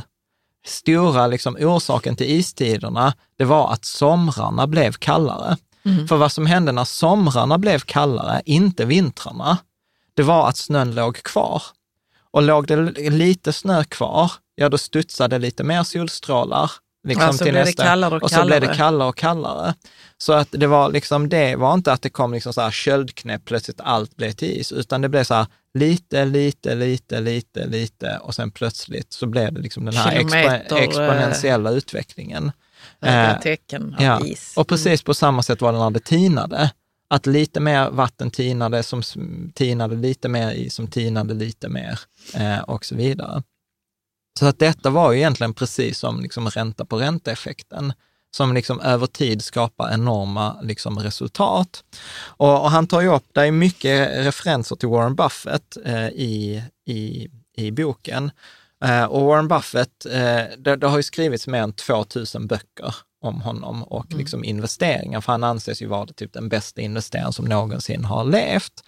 Men så skriver Morgan Housel, och detta tyckte jag var intressant, för detta var också en sån grej som jag inte har tänkt på, men få av de här 2000 böckerna lägger liksom vikt vid en av de absolut viktigaste faktorerna. Och det är att Warren Buffett har investerat sedan han bokstavligt talat var ett barn. Liksom, eh, han, Morgan Housel skriver ju så här, ingen av de här 2000 böckerna heter så här, this guy has been investing consistently for a three quarters of a century. Liksom. Och tittar man liksom på Warren Buffett så kommer man till en ganska spännande liksom insikt som han skriver om, att 815 av eh, Warren Buffetts 840 miljarder, jag översatte 1 till 10 på US-dollar, det är 81 miljarder US-dollar. Så jag pratar om det som eh, kronor. Mm. Så 815 av hans 840 miljarder kom efter hans 65-årsdag. Ja. Hade han, bör, eh, liksom, eller Warren Buffett började investera när han var 10 år gammal. Det var då han köpte sina första aktier. När han var, när han var 30 år gammal så hade han förmögenhet på över 90 miljoner kronor. Mm. Och liksom det, det som Morgan Housel då gör, gör ett tankeexperiment och säger så här, hade Warren Buffett börjat när han var 30 med 250 000 kronor, vilket även det är mycket pengar för en 30-åring, eh, haft exakt samma avkastning, alltså exakt samma avkastning Warren Buffett har haft, så hade han haft 110 miljoner kronor när han fyllde 65. Det är fortfarande sjukt mycket pengar, men det är ju inga 814 000 miljoner. Alltså det är Nej. inga 814 miljarder. Och så tar han ett eh, exempel då med vår, vad är vår återkommande så här sidotema i våra avsnitt? Uh, jag vet inte. Rentec. Ja, Rentec. Förlåt mig. Det är klart att det är Rentec. Ja, jag har faktiskt köpt en bok om Rentec nu så vi ska göra ett avsnitt om, ja. om Jim Simmons. Så Jim Simmons är lite så här okänd, men han är en ännu bättre investerare än Warren Buffett. Han har ju haft typ 60 procents avkastning sen... Och han har grundat Rentec då Rentec, alltså? Renaissance Technologies. Så han har haft ungefär 66 procents avkastning sedan 1988, eh, vilket innebär att han idag har då ungefär 210 miljarder eh, kronor. 21, miljoner, 21 billion eh, US-dollar. Mm. Vilket man i perspektiv kan säga så här, han är en fattiglapp, för han har typ bara 25 procent av det som Warren Buffett har. Ja, men han är ju, vad är han, hur gammal är han nu? 66? Nej, vad, vad, hur gammal var han sa du? Jim Simmons? Ja. ja, men han är typ lika gammal som Warren Buffett. De är väl 70-80. Ja, ja, okej. Okay. mm. är det med. Så att, eh, men han så, började investera när han var 50 år, har du skrivit här. Exakt. Så vad är skillnaden? Jo, skillnaden mellan Jim Simmons och Warren Buffett är ju att Jim Simmons har en extremt mycket bättre avkastning men han började liksom investera när han var 50, så han har inte de här 75 åren av ränta på ränta eller 65 åren som Warren Buffett har haft. Mm. Och det där tror jag är lätt att glömma bort när man till exempel pratar om Warren Buffett eller människor som, har, som är rika. Men du säger så att han Jim Simmons började 1988? Ja. 1987 var det ju en krasch, eller hur? Ja. Intressant. Vi får läsa. Jag har, köpt, läser boken. jag läst Jim Simmons eh, bok nu. Så att, eh, har det, han själv skrivit om? Jag vet inte. Nej, jag, bara, jag bara, bara såg den och så köpte jag den. Så jag ska mm. läsa den också. Mm. Eh, och sen så gör han då andra ex exempel så att vi människor är så sjukt dåliga på att förutsäga liksom just den här exponentiella utvecklingen. Så tar han exempel från datorn som ligger mig nära om hjärtat. Då sa han liksom så här, 1950 så gjorde IBM den första hårddisken på 3 megabyte. 1970, alltså 20 år senare, hade man ökat det till 70 megabyte. På eh, 90-talet, jag kommer ihåg när jag hade min Amiga, när jag var typ 10-12 år gammal, då köpte, kostade det 2000 kronor att köpa en meg RAM-minne. Och sedan så bara exploderade utvecklingen. 99 kom den första Apple-datorn med 6 gigabyte hårddisk. 2003 120 gigabyte, 2011 4000 gigabyte, alltså den första 4 terabyte hårddisken. 2017, då hade vi 60 terabytes hårddisk. 2019, 100 terabytes hårddiskar. Och så ser du att det ökar ju exponentiellt i storlek. Och då säger han liksom så här, hade man frågat någon på 50-talet, hur stora kommer hårddiskarna vara om 50 år? Du vet, då hade man kanske Svårt sagt, att föreställa sig. Ja, man kanske sagt så här, tusen gånger större. Och det är mycket det. Och det är mycket. Hade man varit riktigt crazy hade man sagt så här, 10 000 gånger större eller 100 000. Ja, och då hade man ju blivit dumförklarad. Men samtidigt så var det ju, nu kan jag ju inte detta helt och hållet, men det var ju någon som hade sagt så att datorerna är inget som, som ligger i framtiden. Ja, IBM hade ju sagt det så här 50. eh, Liksom. Men var det någon på IBM som ja, sagt det? att med totala världsmarknaden för datorer är typ 25 stycken.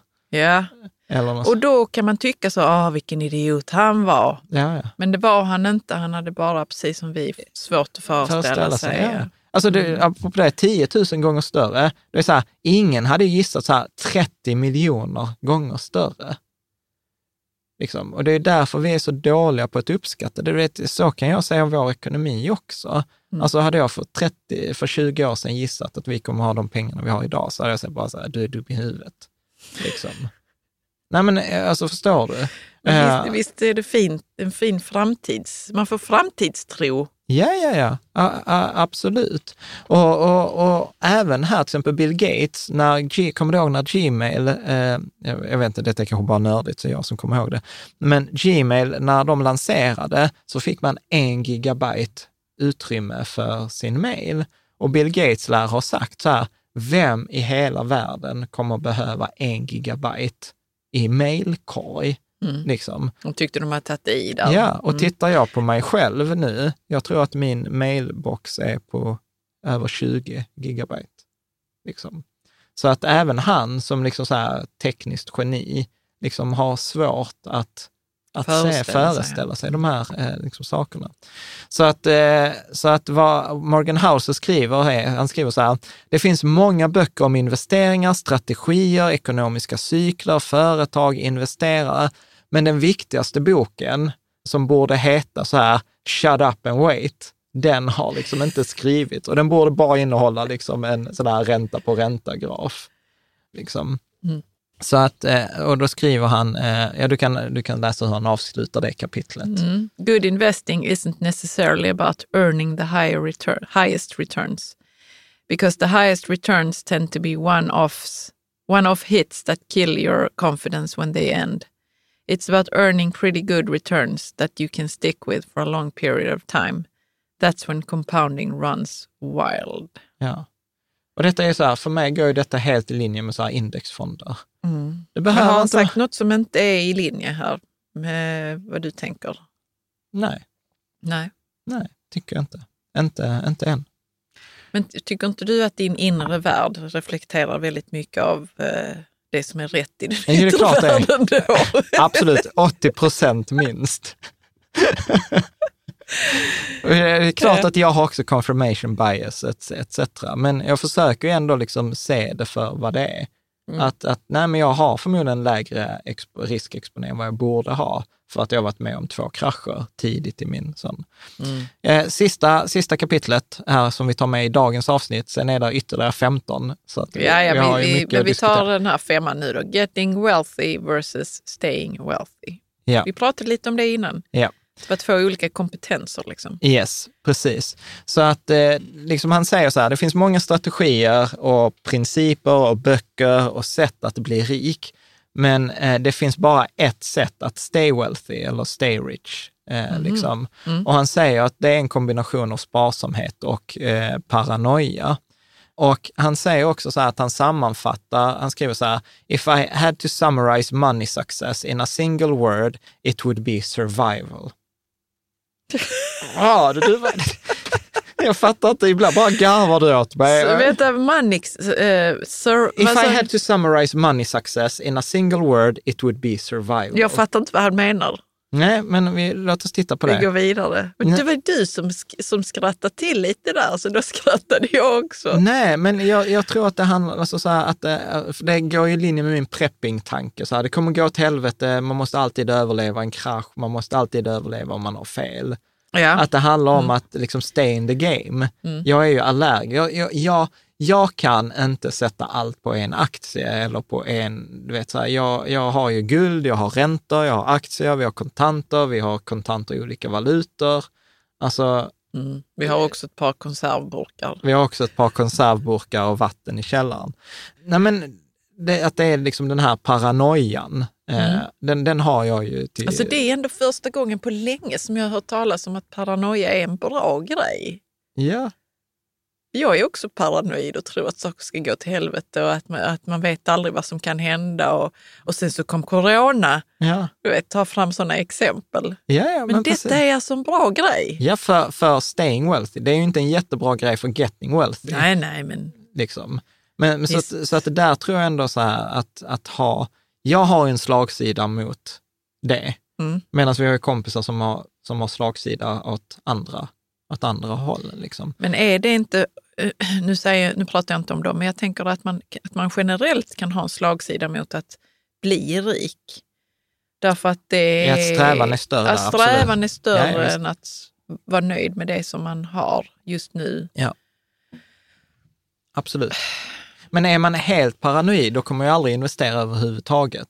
Utan det gäller Nej, hela tiden att se den här inte. Mm. gas och broms mellan de här två. Och också återigen ha acceptans för vad man är. Liksom. Liksom processen eller livet. som Nej, i person. livet. Att Ja. ibland, ibland nu till exempel, som vi kan prata om i ett annat avsnitt, då har vi ju tagit mer risk än vad vi brukar. Och det var så här, när oddsen ser bra ut för denna investeringen så vi gör en stor satsning. Eh, men den är fortfarande paranoid för vi har inte satt hus och hem och äh, familj Nej, och nej. barn på det. Men, men det gör ju liksom att, ja, jag fattar att jag har slagsida, så ibland behöver jag anstränga mig för att ta mer risk. Och så är det ju för dig också. Du, du, det, du mår ju alltid lite dåligt och sen accepterar du ändå att vi tar risken. Eller hur? Men din default är så här, ja, vi ska... Att inte ta den. Ja, när jag säger så här, nej men Karo, vad ska vi göra om 20 år när barnen inte bor hemma, huset är avbetalt och sånt och du där, spara pengar. Nej, jag säger så, måste du veta det nu? Ja. Vi hittar Ja, en resa till Barcelona kanske. Ja. Vad är det med dig? Jag har aldrig varit där.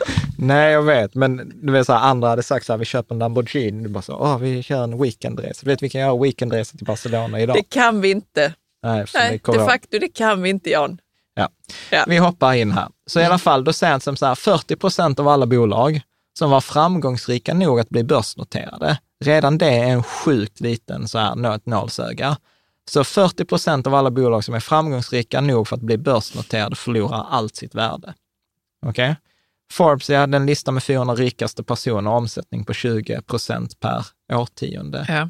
som inte beror på liksom arv till barn eller så här. Så att det är ju liksom två helt eh, liksom olika färdigheter och då säger han så här att get rich, det kräver att man tar risker, att man är optimist, att man tror på sig själv, man tror att man har rätt, man tror att andra har fel och är lite dumma i huvudet. Det handlar om att vara ute på spelplanen och så vidare. Medan att vara stay rich kräver precis motsatsen. Det kräver ödmjukhet, att man kan ha fel. Det kräver rädsla för att man kan bli av med allt lika fort man kan tjäna det. Det kräver sparsamhet. Det kräver acceptans att det handlade om tur. Eh, Det handlar om att eh, eh, liksom en ödmjukhet inför att gamla lagrar inte alltid kommer att vara tillräckligt. Och liksom hela, hela det, det paketet. Så, jag, så att jag, jag får ju lite mer, också lite mer respekt för det skiftet som man behöver, som man behöver göra. Ja. Och som vi pratar om i den här fyra hinkar liksom, principen, att det handlar nog inte bara om att ja, jag placerar mer i mellanriskhinken.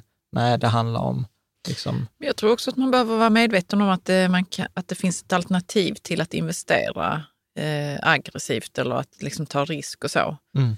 Att det är då att parkera sin förmögenhet eller sina pengar. ja, ja, ja. Och det kanske man inte ens vet. ja, ja. Därför att den, det alternativet presenteras ju inte så ofta. Nej. Man är lite dum om man gör, om man skulle Ja, ja. göra det. det. Så det är därför presenteras det aldrig. Nej, precis att ha kontanter till exempel i Mm. dagsläget eller räntefonder. Mm. Och återigen, om vi då gör liksom så här tillbakablicken till Buffett, eh, så kan man spendera mycket tid på att titta liksom hur han hittar de bästa företagen, de bästa aktierna. Eh, men det kan vara klurigt. Men det är mycket mindre klurigt att titta på det som är nästan lika viktigt, som, som väldigt få tittar på. Och som är så här till exempel att eh, Buffett, eh, då, de tog inte onödiga risker med belåning och, och, och derivat. Han fick inte panik, han har varit med om 14 nedgångar, 14 recessioner, han sålde inte i någon av dem. Han solkade aldrig ner sitt rykte eller sålde, sålde ut sig, som till exempel Gupta eller så här. Han blev inte fundamentalistisk kring en trend, en strategi eller en världssyn, att så här är det. Han förlitade sig inte på andras pengar, det vill säga till exempel en fond, som en hedgefond, där folk kan ta ut pengar, utan han har ett börsnoterat bolag, tar mycket längre tid, är svårare, men det har gett en uthållighet. Han har inte bränt ut sig, gick in i väggen. Han är ju 91 år gammal, jobbar fortfarande. Eh, och han har liksom överlevt tillräckligt länge för att liksom göra, låta ränta på ränta göra jobbet. Mm. Eh, och sen har han också en ganska rolig historia, att vad flesta jag inte visste var att det, det är ju så, man brukar alltid prata om Charlie Munger och Warren Buffett. Men när de började på typ 60-talet så var de tre. Och då var det en som hette då Rick Guerin, eh, Mm. Guerin som, eh, som var lika duktig som Charlie och Warren på att bli rik. Men då 73, när det kom en sån här nedgång 73-74, så hade han belånat sig så mycket så att banken krävde tillbaka pengar och hans aktier och då var han tvungen att sälja alla sina Berkshire Hathaway-aktier till Warren Buffett för liksom en spottstyver. Mm. Och sen liksom Sen var det slutet. Sen, sen var det För slut. han. Slut, ja. Mm. Så att, ja, jag tror att det där eh, är liksom så himla viktigt att se de här två. Och då säger Morgan Housel också att, att överleva, då handlar om att acceptera tre saker. Eh, och den första saken som han då, ska du läsa vad det är han skriver då? Yeah. More than I want big returns, I want to be financially unbreakable. And if I'm unbreakable, I actually think I'll get the bigger returns because I will be able to stick around long enough to compounding for compounding to work wonders. Ja. Jag gillar detta är precis det som vi pratar med fyra hinkar-principen. Mm. Fyra hinkar-principen ser till att du är liksom financially unbreakable. Du har en bufferthink, du har en mellanriskhink och även om det kanske inte på kort sikt ger den högsta avkastningen så kommer det förmodligen ge en högre avkastning på sikt för att du kommer överleva. Du kommer vara i spelet tillräckligt länge för att ränta på ränta ska kunna göra sin grej. Mm. Och jag tycker detta är en mycket bättre formulering än jag någonsin har kommit på. Eh, Ja, det är fint. för att det är ju detta vad det, vad det, vad det, handlar, eh, vad det handlar om. Och sen säger han då, den andra grejen handlar om, Uh, planning is important, but the most important part in every plan of every, off every of plan. ev- every plan is to plan on the plan not going according to plan. Ja. Och Att där, vara lite paranoid, ja. ja. Nej, men det är som Mike Tyson, alla har en plan tills de får ett slag i ansiktet och en bra plan är ju då relevant först om den överlever liksom mötet med verkligheten. Och, och, och då har liksom den här planen utrymme för att saker går åt skogen. Eh, Att kunna ha ett resonemang till exempel i, i finansiella, så här, nej men det, det vore fantastiskt om marknaden gör 7% som den har gjort historiskt. Liksom, det vore magiskt. Men det är okej om den gör 4% också. Mm. För då har jag liksom 3-4 procents marginal över ett decennium. Mm. Och, och han säger också så att många gör misstaget att de har nästan rätt i en situation som krävde att de hade 100 procent rätt. Det är sällan att man har så fel att man har 100 procent fel. ja. Men vad han säger då är att de flesta liksom underskattar att ha en säkerhetsmarginal. Och säkerhetsmarginal kan man ha genom att vara sparsam, genom att ha liksom budgeterat med utrymme, budgeterat med ett intervall istället för en fix avkastning. Eh, man kan ha en lös tidslinje när det behöver inträffa, liksom när målet ska nås eller etc. Så att, som han säger, så att det tillåter väldigt matematiskt, det tillåter en större delmängd utfall att jag kan ha många fler utfall som är okej än ett enda. Att detta måste, detta måste fungera, Ja. annars går det åt skogen. Eh, och sen skriver han då den tredje, den tredje grejen att acceptera för att kunna stay rich. Ska du läsa då? Mm. A barbelled personality, optimistic about the future but paranoid about what will prevent you from getting the future is vital. Mm. Ja. Så att han återkommer ju mycket till det här som Nassim Taleb, han citerar faktiskt Nassim Taleb flera gånger, att det handlar om, eh, barbell är ju skivstång, att det handlar om att vara i extremerna, att vara en optimist. Liksom, Som balanseras av att man är... som balanseras av i andra änden, att man är paranoid, att det Mm. under perioder då kommer gå åt helvete. Att han skriver så här, att vara förnuftigt optimistiskt är att veta att man har oddsen på sin sida, långsiktigt kommer det gå bra och där kommer vara perioder av misär. Mm. Och jag tänker så att det gäller inte bara investeringar, utan det är väl liksom så här livet. Och, Livet, ja. eh, också. Eh, så att han pratar mycket om så här, att vara optimistisk och paranoid eh, kräver, det är svårt, det kräver mycket energi eftersom det är mycket lättare att se världen som svart eller vit. Medan att se, att vara optimistisk och paranoid kräver mycket mer energi, för det kräver ju att man ser nyanser av det här och att det är, och det är spontant så är det ointuitivt för oss. Ja, man måste nu träna på det, att vara Ja. uppmärksam. Ja. Mm. Så att, att det inte var liksom, eh, ja, nej men jag gillar det. Jag, jag vet inte, jag har på sistone... Nej, men det måste, då måste man ju tillåta världen att tränga in i ens eh, uppfattning om den. Ja. Istället för att man säger, men världen är så här, även om den inte är det just nu. Ja, ja precis. Är med? Att man ja. måste ändå tillåta den att Ja. Och för, upp sig. Liksom. ja, och för mig blir det så här, jag lägger ihop detta som, som vi pratar om paradox of skill, att det handlar om att ha en bra beslutsprocess, ha oddsen på sin sida.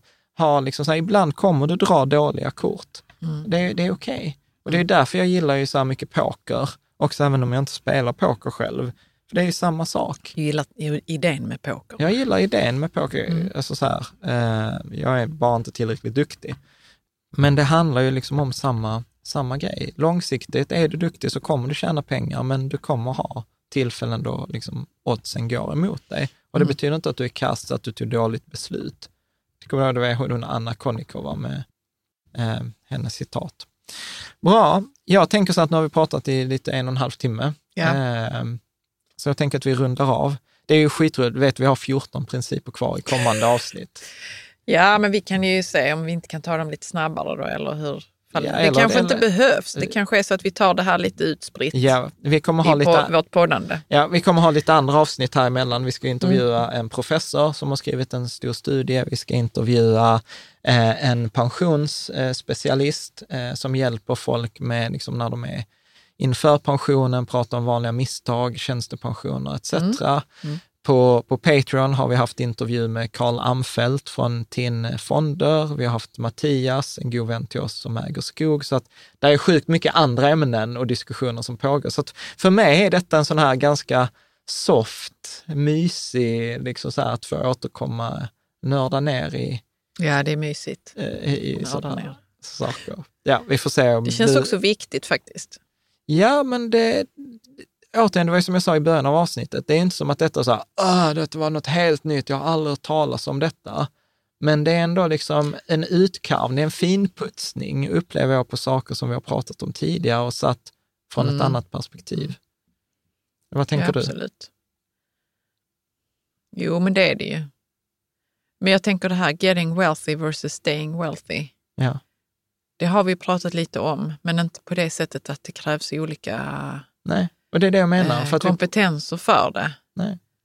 Och, och som jag sa innan, jag håller fast, faktiskt fast vid det, att det kan vara livsomvälvande att förstå det.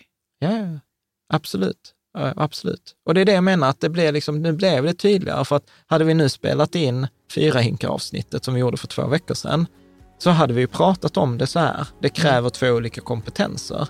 Så detta är ju så här ytterligare en liten så här inkrement Mm. på, på den processen, vilket jag tycker är ganska coolt. Ja. Men jag tänker egentligen så här, ett stort tack till dig som eh, lyssnar. Kom gärna med kommentarer, häng gärna med oss i forumet, eh, skriv vad- vad tog du med dig från detta avsnittet? Och så ses vi där ute.